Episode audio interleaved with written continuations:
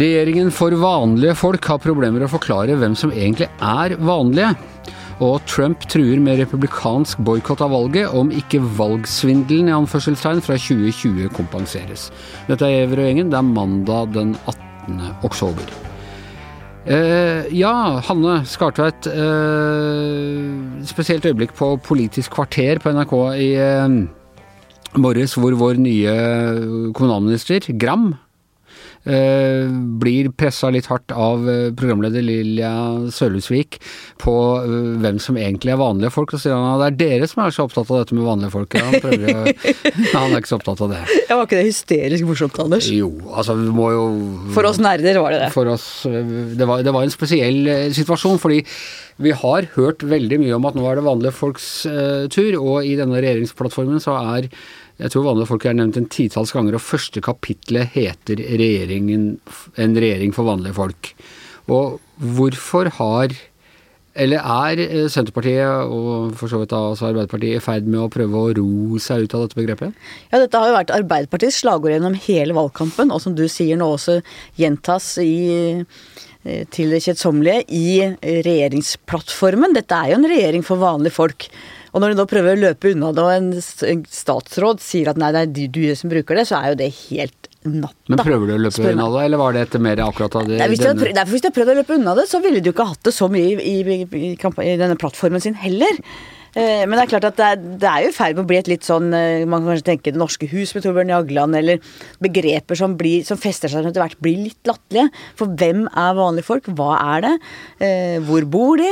Hva slags folk er det? Og hvem er ikke vanlige folk? Nettopp. Og, man har klart å, Altså nå er det i ferd med å danne seg litt en fortelling om at vanlige folk, det er de som bor på mindre steder.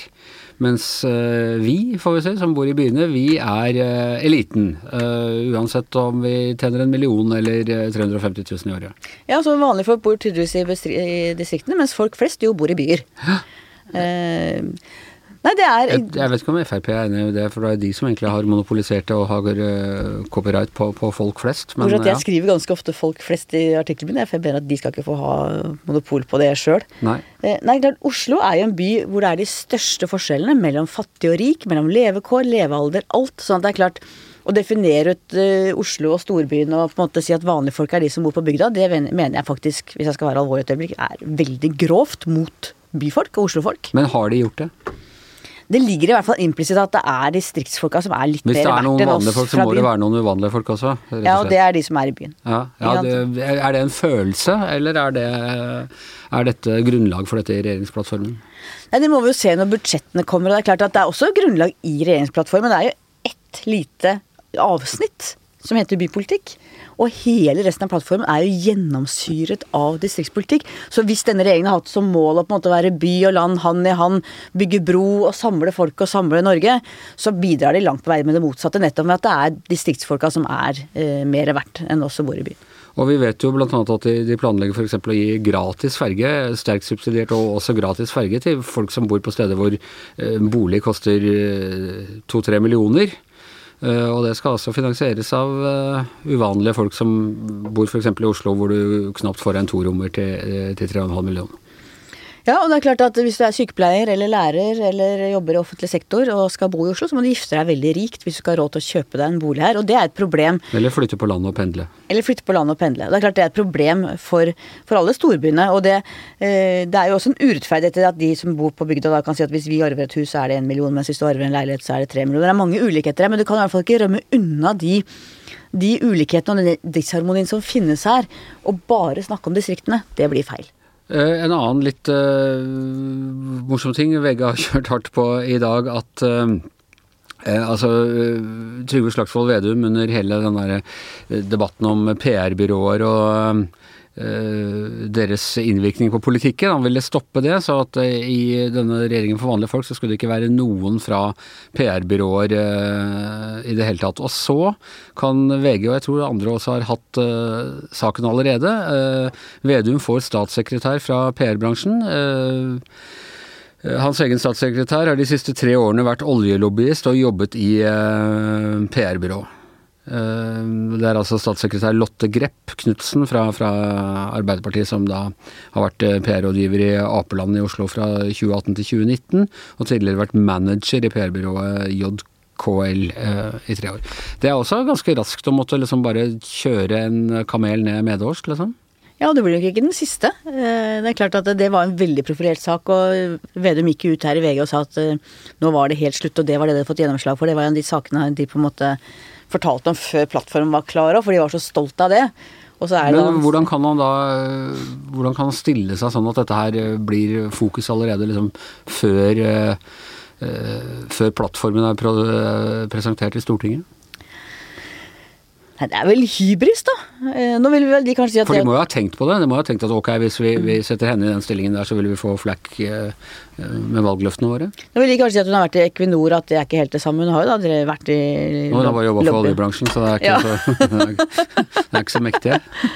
Nei, men de kommer til å møte seg sjøl mye i døra, denne regjeringa. Det er klart Når du har vært i opposisjon i åtte år, som både Arbeiderpartiet og Senterpartiet har gjort, og kommet med veldig mange feite valgløfter, så vil det være den svingdøra får de nå i ansiktet, tror jeg, daglig gjennom mange uker.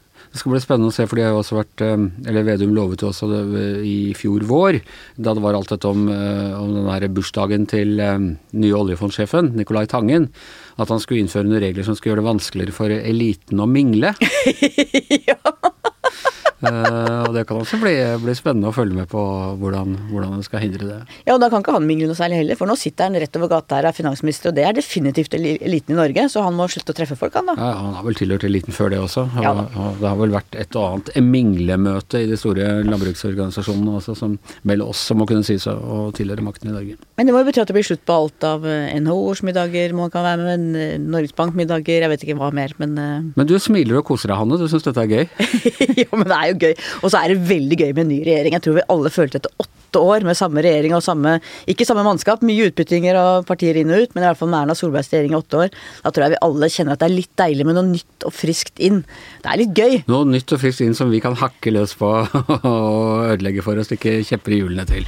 Ja, men så må vi også huske at det er norske politikere, enten de kommer fra Erna Solbergs side eller Jonas Gahr Støres side, det er jo stort sett skikkelige folk som vil gjøre en god jobb for landet, og som er, eh, jobber veldig, veldig hardt. Og så må vi som er i, eh, hva skal du si, i eh, tabloidmediene, vi må også si at eh, det er av og til man formulerer seg kanskje at man kommer til å i skade for å kalle en spade for en gravemaskin, eh, og at det må være litt rom for det også.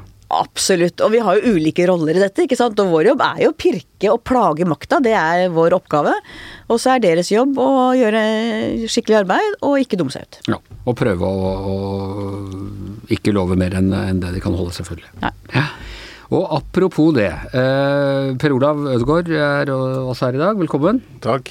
For et år siden på disse tider, da levde og pustet og åndet vi tre Donald Trump. Da var vi oppe om natta og så på eh, presidentdebatter eh, i USA. Vi eh, hadde en kontinuerlig Trump-watch. Det var alt dette med at han ble lagt inn på sykehuset med covid, og det var eh, visepresidentdebatten, og det var, eh, det var i det hele tatt var utrolig spennende tid eh, på hvorvidt eh, han kom til å vinne eller ikke. Jeg var der faktisk på denne tida for et år siden. var jeg der. Ja, var og, og vandra fra smittepøl til smittepøl midt under coviden. Ja, og det var jo, ja, for det var jo rett før det da stramma seg til, eh, til her hjemme også. Nå tror jeg knapt vi har snakka om Trump i, i hele høst. Kan, Magne, kan du huske at vi har snakka om Trump i høst? Nei.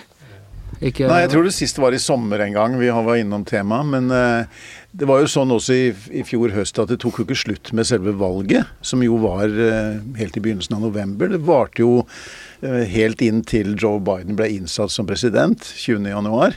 Ja. Og ikke minst med den eh, stormingen av Kongressen 6.1. Um, så um, Og for noen så, så varer det ennå. Bare sitere Trump fra, er sitert i, i New York Times i dag. Uh, if we don't solve the presidential election fraud of 2020, Mr. Trump said in a statement last week, Republicans will not be voting in 22 or 24.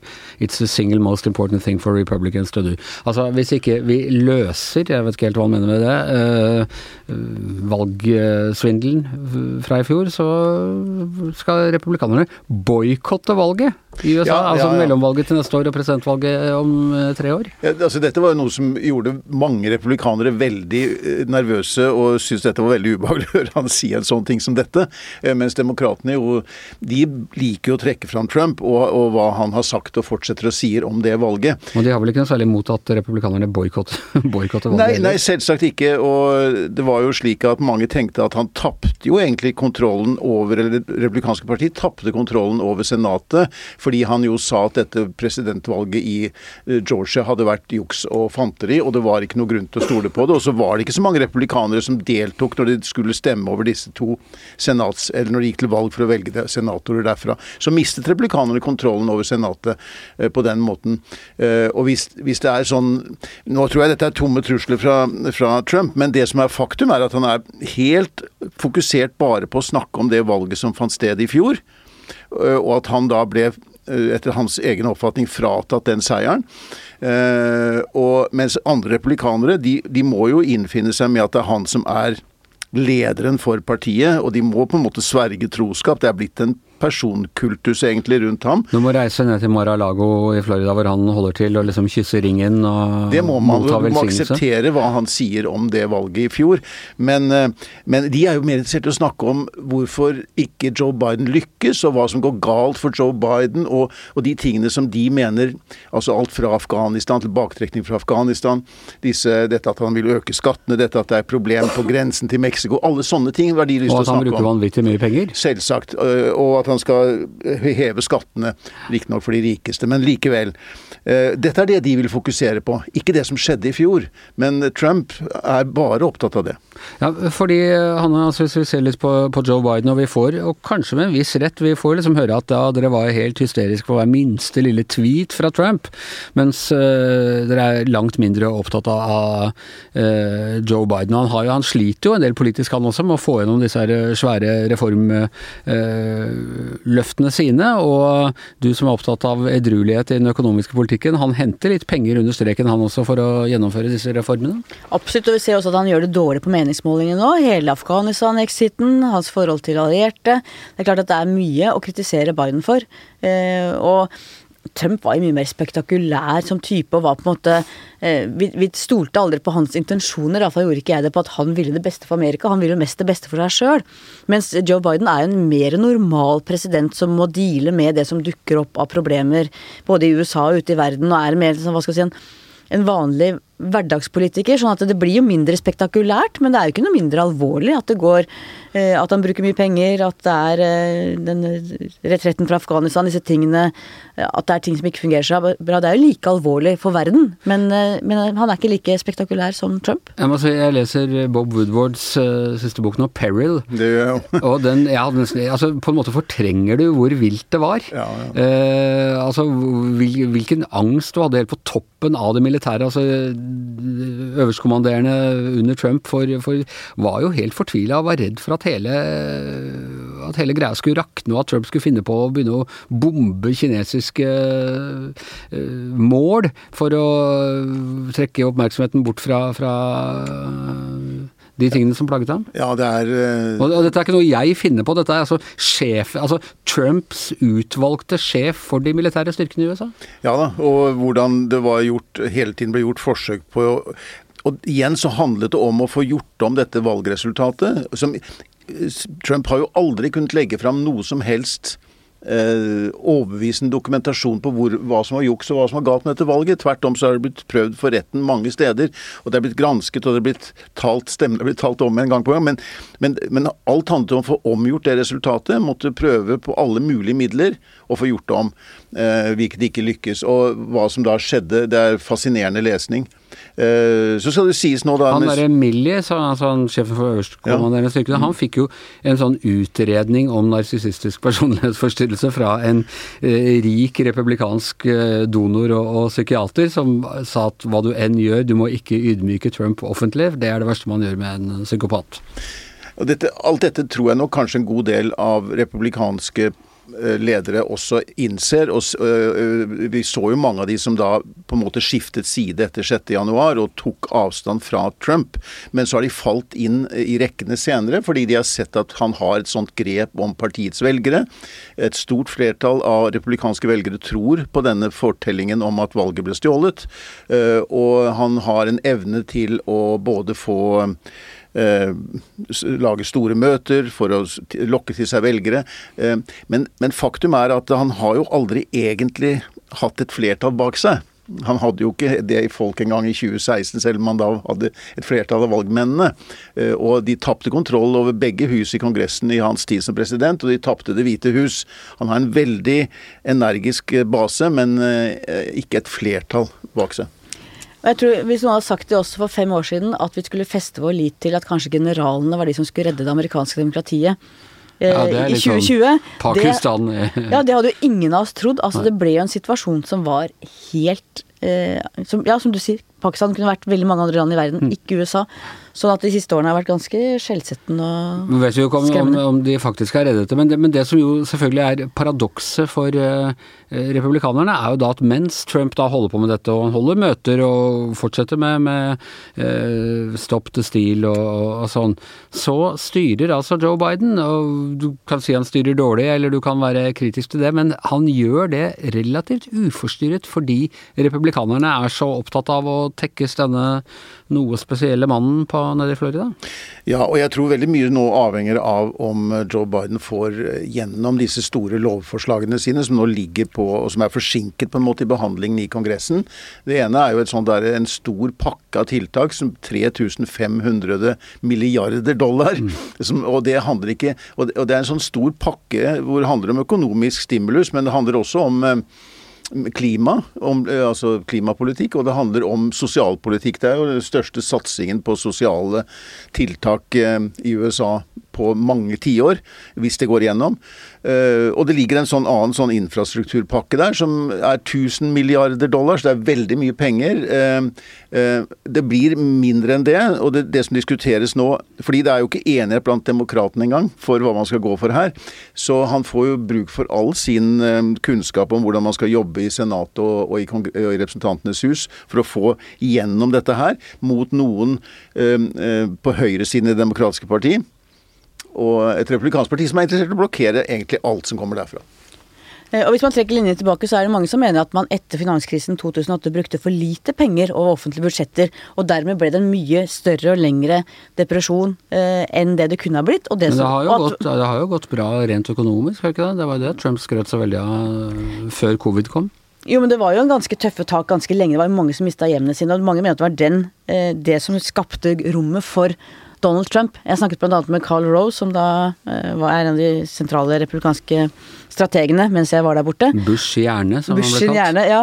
Og han trakk jo fram det nettopp at det var hele finanskrisen 2008 som var det som på en måte lagde rommet for at Trump kunne komme og spille på den misnøyen at folk hadde det veldig vanskelig de årene. Som en kollega i TV 2 sa, det var ikke Trump som skapte kaoset, det var kaoset som skapte Trump. Det er vel litt uh, riktig problem? Ja, det tror jeg er mye, mye sant i. Og jeg tror ikke vi er ute av det kaoset heller. Du ser hvordan Washington er ganske dysfunksjonelt i dag. Det er veldig vanskelig å Altså det er veldig sterk polarisering mellom partiene. Det er men også en intern strid innad i de to store partiene. Men det er veldig vanskelig å få vedtatt ting. Det er veldig vanskelig å få å lage politikk. Eh, og du ser på en måte at venstrefløyen i Det demokratiske partiet har vunnet fram, blitt sterkere, samtidig som det har skjedd en At det, at det republikanske partiet har endret seg veldig fra og mer til å bli en slags uh, et eh, ytre høyre populistisk parti. Og litt en personkult, rett og slett. Personkult, ja.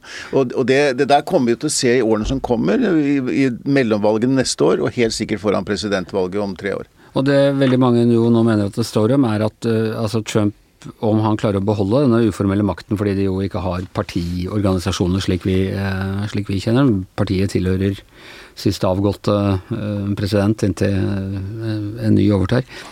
Eh, det er vel om Trump lykkes i, hvis de kandidatene han nå, de som kysser, kommer og kysser ringen og han velsigner foran mellomvalgene, hvis de gjør det bra, hvis det viser seg å være liksom det du må gjøre for å klare å vinne eh, plasser i Kongressen, så vil Trumps grep kamp øh, over, rundt republikanerne vare inn i neste presidentvalg, og da vil han kanskje kunne selv stille en gang til. Ja. Hvis han ikke får til dette, så, så vil øh, tyngdeloven gjøre at republikanerne ser seg om etter andre kandidater. Og så er det jo sånn da at i de fleste sånne mellomvalg, eh, men så er det gjerne så sier velgerne gjerne en, ifra om en liten protest til administrasjonen og de som sitter, den som sitter i Det hvite hus. Det er jo forventet at republikanerne går fram neste år i de valgene da. Det har i hvert fall skjedd tidligere. Det skjedde eh, Både Trump mistet sitt eh, flertall da, i, i 2018, og vi husker Obama også gjorde det samme. Og det er syltynt, det flertallet demokratene nå har. veldig tynt, og, det er, og det, så det er sannsynlig at republikanerne går frem. Og det vil han ta som en inntekt for sitt syn. Og akkurat nå så pågår det jo en ganske stor si, utrenskning i Det republikanske parti. Han, han bruker all sin energi på å uh, eh, organisere kampanje mot de som han mener har forrådt han. Ja. Ja, bare si det, og det mest deprimerende syns jeg etter Trump var jo nettopp å se hvordan eh, vanligvis troverdig flinke republikanske politikere bøyde nakken og krøyp for Trump, selv om vi visste alle at de egentlig mente noe helt annet. Det var ryggesløshet fra de folka. Og det var særlig Lindsey Graham, må man si. Yes. Ok, tror jeg vi har snakket nok om Trump for denne måneden, men uh, vi, vi tar aldri blikket helt bort fra han, og det kommer til å stramme seg til til, til neste år når det blir eh, mellomvalg. Men uh, Giæver og gjengen er over for i dag. Takk til Hanne Skartveit, takk til eh, Per Olav Ødegaard. Jeg heter Anders Giæver, og vår produsent er ikke som vanlig Magne Antonsen, men Isak Egge Brøndset. Så må jeg også minne om helt til slutt at vi er på bakgården eh, på torsdag eh, klokka fem. Dit kommer Hanne, dit kommer jeg, dit kommer eh, Audun Lysbakken, og dit kommer Knut Arild Hareide. Så vi sees der.